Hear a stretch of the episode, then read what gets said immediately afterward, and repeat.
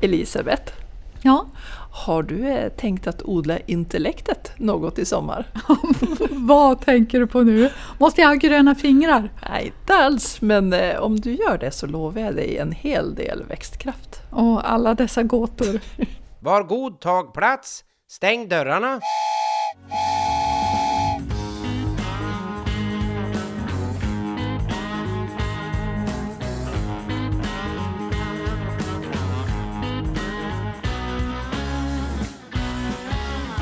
Hej och välkomna till podden En bana tre spår och detta fjärde avsnitt, Klivet mot drivet. Jag heter Eva Lundqvist och jag är kommunikatör för Norrbotniabanegruppen och eh, mitt emot mig sitter Elisabeth Sinclair, projektledare för Norrbotniabanegruppen. Mm. Och I det förra poddavsnittet, Det ska vara gott att leva, pratar vi bland annat om Norrbotniabanans betydelse som samhällsbyggare och eh, hur viktigt det är med, med eh, samarbete mellan regioner, kommuner och, och medborgare. Ja, just det. Och eh, idag så tänkte vi fokusera mer på medborgarna, eh, människorna. Eh, du och jag Elisabeth och eh, ni som lyssnar. Vilken betydelse kommer Norrbotniabanan att innebära för oss vad gäller våra personliga drivkrafter, nöjen, arbete, studier? Hur, hur kan eh, Norrbotniabanan vara, vara en del av klivet mot drivet helt enkelt, kan man säga. Men eh, när längtade du eh, förresten senast efter, efter banan i din vardag? Ja, i fredags. Då började dagen i Piteå. Sen var det examensfirande i Luleå med smörgåstårta och du Mm. vet allt som hör till. Och Mm. sen tillbaka till Piteå. Och sen fortsatt färd ner mot Skellefteå för att delta i konferensen som pågick här. Och sen hemåt och efter halv åtta där jag liksom stupade i säng. Alltså det hade varit enormt skönt att bara sitta och åka med och så bara uppleva alla de här sakerna. Ja, alltså, det förstår jag. Jag varit nästan trött bara Men du då? höra om dina turer. Eh, hmm, ja, det var nog ett arbetsmöte i förra veckan till, till Robertsfors. Kort, och intensivt och effektivt möte men lång resa. Färden dit var, var lång. Ja. Ja, det känns ju som att, att själva resan hade kunnat vara så mycket mer effektiv. Tänk om man hade kunnat ta tåget och sitta och jobba samtidigt och diskutera och sådär. Men nu var ju det här arbetsrelaterat. Jag tänker ju att med banan på plats så kommer man ju resa mer bara för nöjen också. Ja, som jag gjorde i fredags. Ja, exakt. Bland annat. Eh, Och jag tänker på, ehm, du nämnde i förra avsnittet att, att kulturen kommer med infrastrukturen. Ja. Att, att vi som in, konsumerar kul- kultur kan ta oss lättare mellan, mellan olika evenemang och de som utövar kultur också såklart. Ja, och det är ju faktiskt det som står i de nationella kulturpolitiska målen. Att alla ska ha möjlighet att delta i kulturlivet som pr- präglas av mångfald och hög kvali- kvalitet oavsett i vilken del av landet man bor. Och, och det ska också vara möjligt att för, verka och förkovra sig som kulturskapare i hela landet. Och jag tycker att det är så himla bra att det står så tydligt. Mm. Men eh, vad, be, vad betyder kultur för dig? Alltså det är ju någon typ av livselixir som man inte riktigt kan ta på. Men till exempel när jag växte upp i Kiruna så fick jag se så otroligt mycket teater. Alltså jag tror att jag var Mhm. faktiskt ett par gånger i månaden ibland på teater. Och det var ju så att alla ja, men, uppsättningar från Stockholm, de flesta, många utav dem kom i alla fall upp till Kiruna trots att det ligger då 120 mil från Stockholm. Och eh, ja men du vet, vi såg Pampen, vi såg Vildanden som jag tror det fanns som inga färger i, i den teatern. Det var någon svart teater. Ja precis, jag fick luta mig mot stolpen jag satt bakom. Och, ja, men Jesus Christ Superstar var Oj. ju helt fantastiskt. Mm. Och det var så självklart att det fanns där. Jag liksom tänkte aldrig liksom på att tänk om man skulle få och så vidare. Och Stockholm kändes ju väldigt nära på den tiden och det som visades där det kom också till oss. Ja, men det låter ju helt underbart. Vilket utbud måste jag säga i Kiruna. Ja, och jag tror att både kommunen och LKAB var väldigt betydelsefulla i sammanhanget. Och eh, jag vet ju att LKAB väldigt tidigt har jobbat mycket med kultur. Så det kan vara äh, Det är nog väldigt mm. bidragande. Mm. Men idag så skriver också Region Norrbotten så här att det ska finnas att det finns förutsättningar för konstnärligt skapande och äh, ja som ska utforska nya områden, överskrida gränser och synliggöra olika aspekter av vår tillvaro. Och det här är ju också en viktig del i att eh, för att man ska stanna, vara delaktig och bidra. Och då har vi liksom uttalat det tydligt både på nationell och på regional nivå och det är ju otroligt viktigt. Mm. Det är ju lätt att man tänker sig kultur som just teater, men kultur kan ju även vara att man läser en spännande bok och kanske toppar denna läsning med ett runt kex med nougatfyllning från Göteborg, så har jag inte sagt namnet på kexet. Och så kan vi säga att det finns många fler olika kex från andra orter. ja, precis. Men allt pekar ju på att kultur är viktigt för, för en orts, kommuns och regions attraktivitet. Ja, och som vanligt så kommer ju banan att, bli ett, att vara ett verktyg som vi kan använda för att uppfylla våra mål med. Mm. Men jag tänker också att kanske är kulturen så mycket viktigare än vi förstår idag. Just för det här med attraktiviteten. Och både du och jag har ju positiva upplevelser från allt från bibliotek, teater, dans, hockey med mera som kan mångfaldigas när kulturen blir tillgänglig för mig i fler städer. Ja, så är det ju. Jag tänker att det är nog inte så många som tänker på att de är kulturella när de sitter där på hockeyläktarna. Nej, så är det nog. Men vad som är kultur är ju väldigt personligt. Mm. Nej, nu kan jag inte sitta tyst längre. Jag sitter vid mötesstationen i Träskholm och funderar på vad är egentligen kultur för mig? Jo, för mig är varje mötesstation en mötesplats, en kulturupplevelse på första parkett. Kungliga Operan hittar jag i storblå liden när tranorna sjunger fyrstämmigt i Långträsk. Och om vintrarna förvandlas Degerbäcken utanför Boden till rena rama balletten när älgkalvarna halkar omkring på Luleälven. Ja, det blir Kolmården on ice. Och Dramaten i all ära, men den riktiga dramatiken hittar du vid mötesstationen i Brännberg, vid Alån som bjuder på tjäderspel i april. Det är då jag inser hur viktigt det är med Norrbotniabanan, för med tåget får jag uppleva saker. Så gör som jag, ta dramatåget norrut. Men om nu samhällens attraktivitet är så beroende av kulturen, Räcker den satsning som gör idag om vi kikar framåt när Norrbotniabanan är på plats? Alltså jag vet inte, vi är ju verkligen inga experter på det här Nej. ämnet men kulturen har ju både med din och min och många fleras framtid att göra. Och tittar man då på 2015 då gick 44 procent av den statliga kulturbudgeten till Stockholm enligt en rapport från Hela Sverige ska leva. Mm. Det kanske inte är så konstigt då med tanke på att Kungliga Operan, Kungliga Dramatiska Teatern och de många museerna finns där. Men frågan är kanske om det behövs mer pengar generellt eller om vi kanske måste göra något mer eller jobba på något annat vis. Mm. Jag tänker att kulturen kanske inte prioriteras så högt som den borde. Och att eh, anslag för kultur borde ju rimligtvis gå sida vid sida med till exempel eh, byggnation av, av nya bostäder. Mm. Eh, tror du att vi tar kulturen som självklar kanske? Ja, på, på många sätt så gör vi det. Alltså den ska bara finnas mm. där. Och det ser ju så himla enkelt ut. De verkar ha det så jättekul. De bara går och ställer sig på en scen eller framför en mikrofon och vips så är allting klart. Men det är klart att så enkelt är det ju inte. Men får det kosta kulturen och vi är beredda att betala för den? Och då tänker jag både på staten, regioner, kommuner ända ner till personnivå, till dig och mig till exempel. Ja, på sätt och vis. Alltså den här rapporten den visar också att hushållen lägger ner 50 miljarder på kultur varje år och det säger väl någonting om längtan och behoven av kultur. Men når kulturen alla? Har alla råd? Och finns det tillräckligt med medel för kulturarbetarna att utvecklas i just norra Sverige? Men kan vi göra något extra speciellt här med anledning av att vi knyter ihop två jätteregioner? Ja, men det, det, det tror jag absolut. Alltså just det här med att eh, infrastruktur knyter samman både samhällen och människor, precis som kulturen gör. Men eh, du Elisabeth, vilken är din häftigaste kulturupplevelse då? Ja, det var när mamma och jag gick på Norrlandsoperans största satsning då med Elektra utav Richard Strauss. Det var Mhm. faktiskt min första opera jag gick på. Men de hade byggt upp en utescen på Umestan. Gigantisk med två enorma dockor som lyftes upp av kranar. Oh. Och så alla dessa operasångare.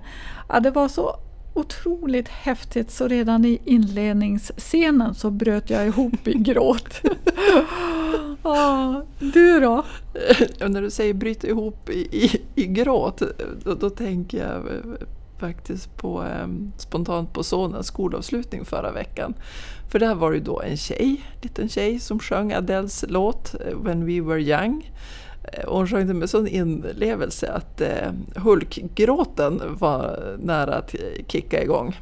Nu får man ju vara väldigt försiktig med när man har med tonåringar Ja, göra. de kan väl acceptera en liten sån här fin tår från, från mammans öga, men inte att jag bara står där och skakar med hela hakan. Så är. Ja.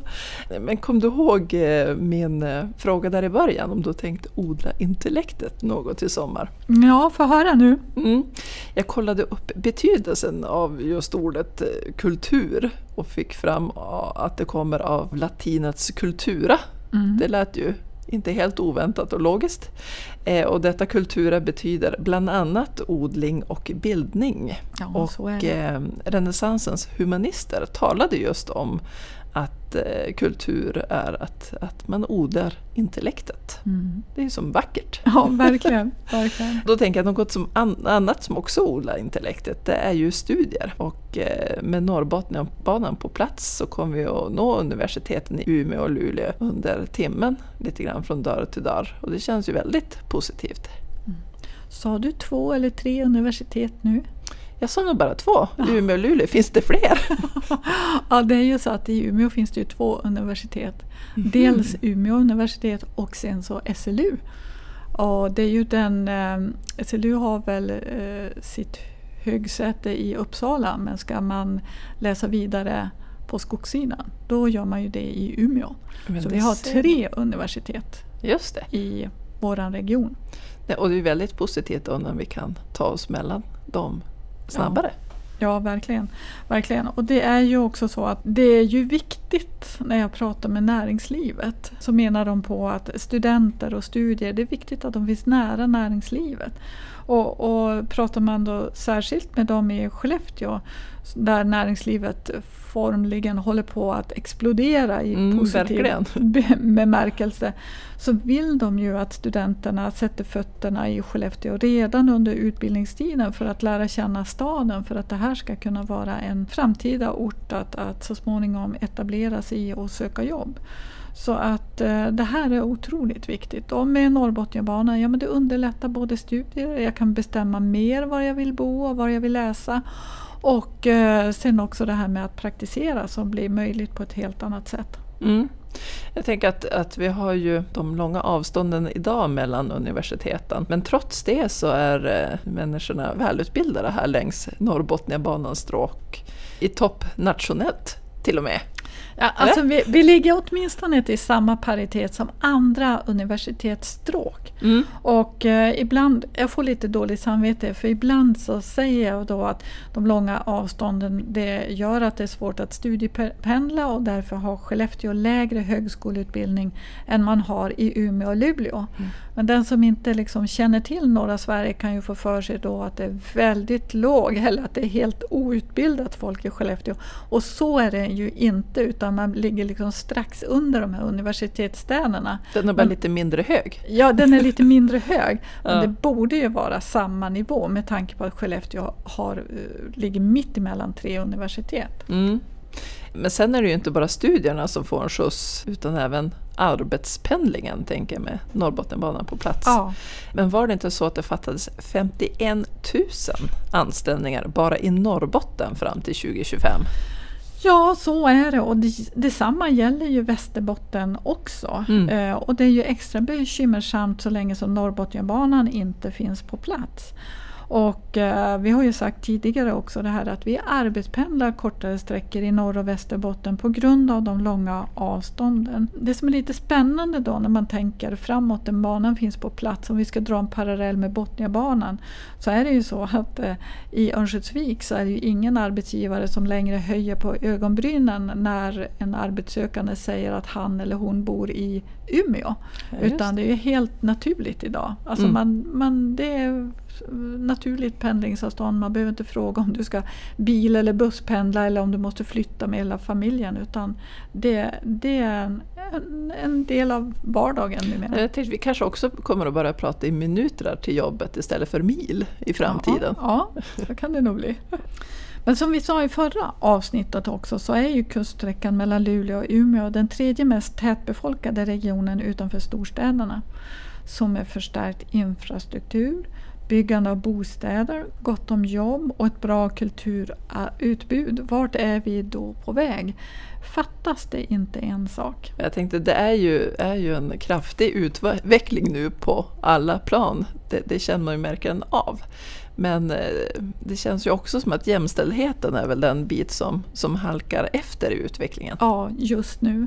Mm. Och, och, eh, jag har hört en klok människa säga att måttet på ojämställdhet det är ett mått på förlorad utveckling. Mm, fundera på det du. Ja, det där måste få sjunka in ett tag känner jag. ja, men nu är det så här att näringslivet och de stora företagen längs kusten har väldigt ofta eh, ambitiösa jämställdhetsprogram. Men problemet är att när man lämnar arbetsplatsen så kommer man ut i ett samhälle där jämställdheten släpar efter. Mm. Och tittar man på de globala målen så pekar de bland annat på den ojämna fördelningen mellan kvinnor och män av det obetalda hem och hushållsarbetet. Och att det här utgör ett hinder för kvinnors och flickors möjligheter att utbilda sig och delta på arbetsmarknaden och i samhället på samma villkor som pojkar och män. Men arbetar vi vidare med jämställdhetsfrågorna för samhället i stort, då kommer vi också att se ett ökat välstånd och med den en ökad tillväxt. Helt klart. Nej, nu kan jag inte sitta tyst längre.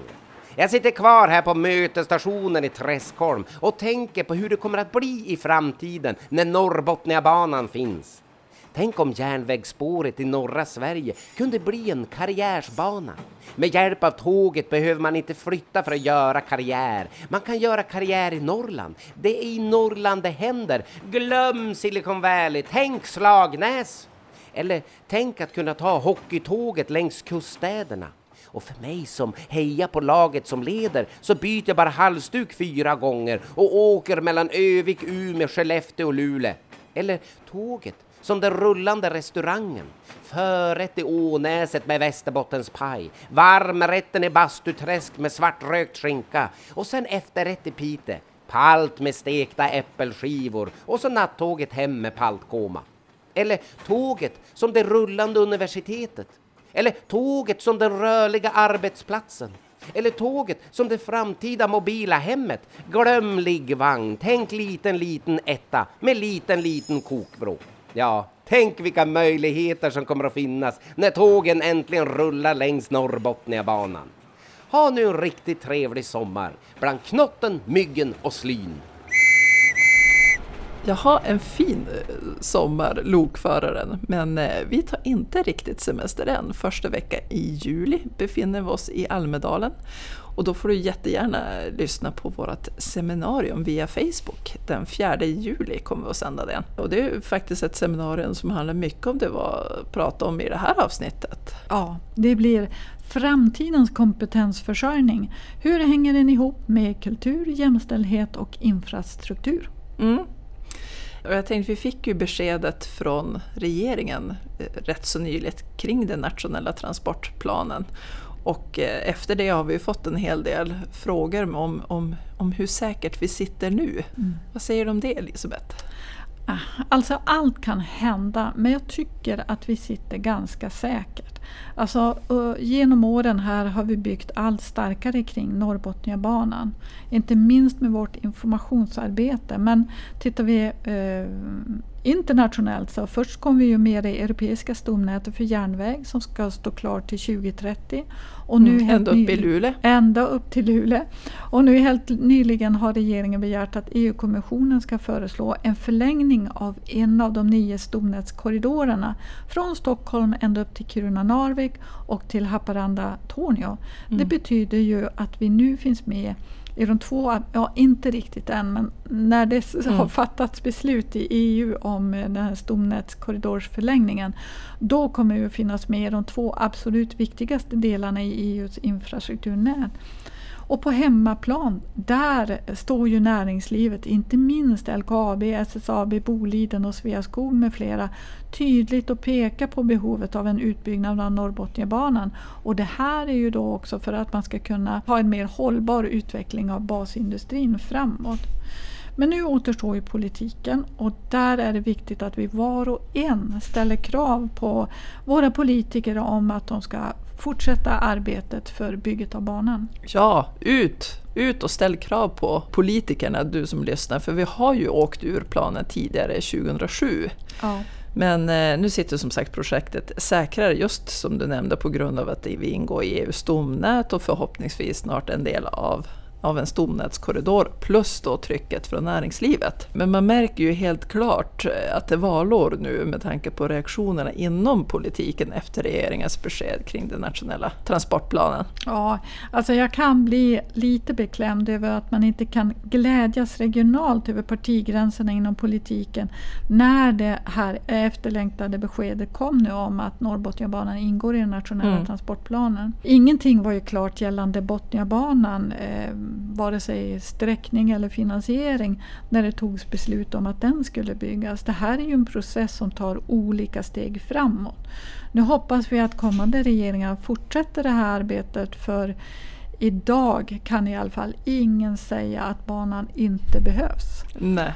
Och skulle man säga det, ja då visar man ju på en stor okunskap. Då får man gärna hälsa på hos oss. Ja, så kan vi berätta en, ett och annat. Mm. Ja, då, just när vi börjar prata om politiken här så kan vi ju passa på att nämna vår kampanjsida byggnorrbotniabanan.nu där vi samlat hur de eh, politiska turerna sett ut historiskt. Och vi kommer även lägga dit en alldeles färsk opinionsundersökning innan valet där ni kan få ta del av hur de olika partierna står just nu i frågan Norrbotniabanan.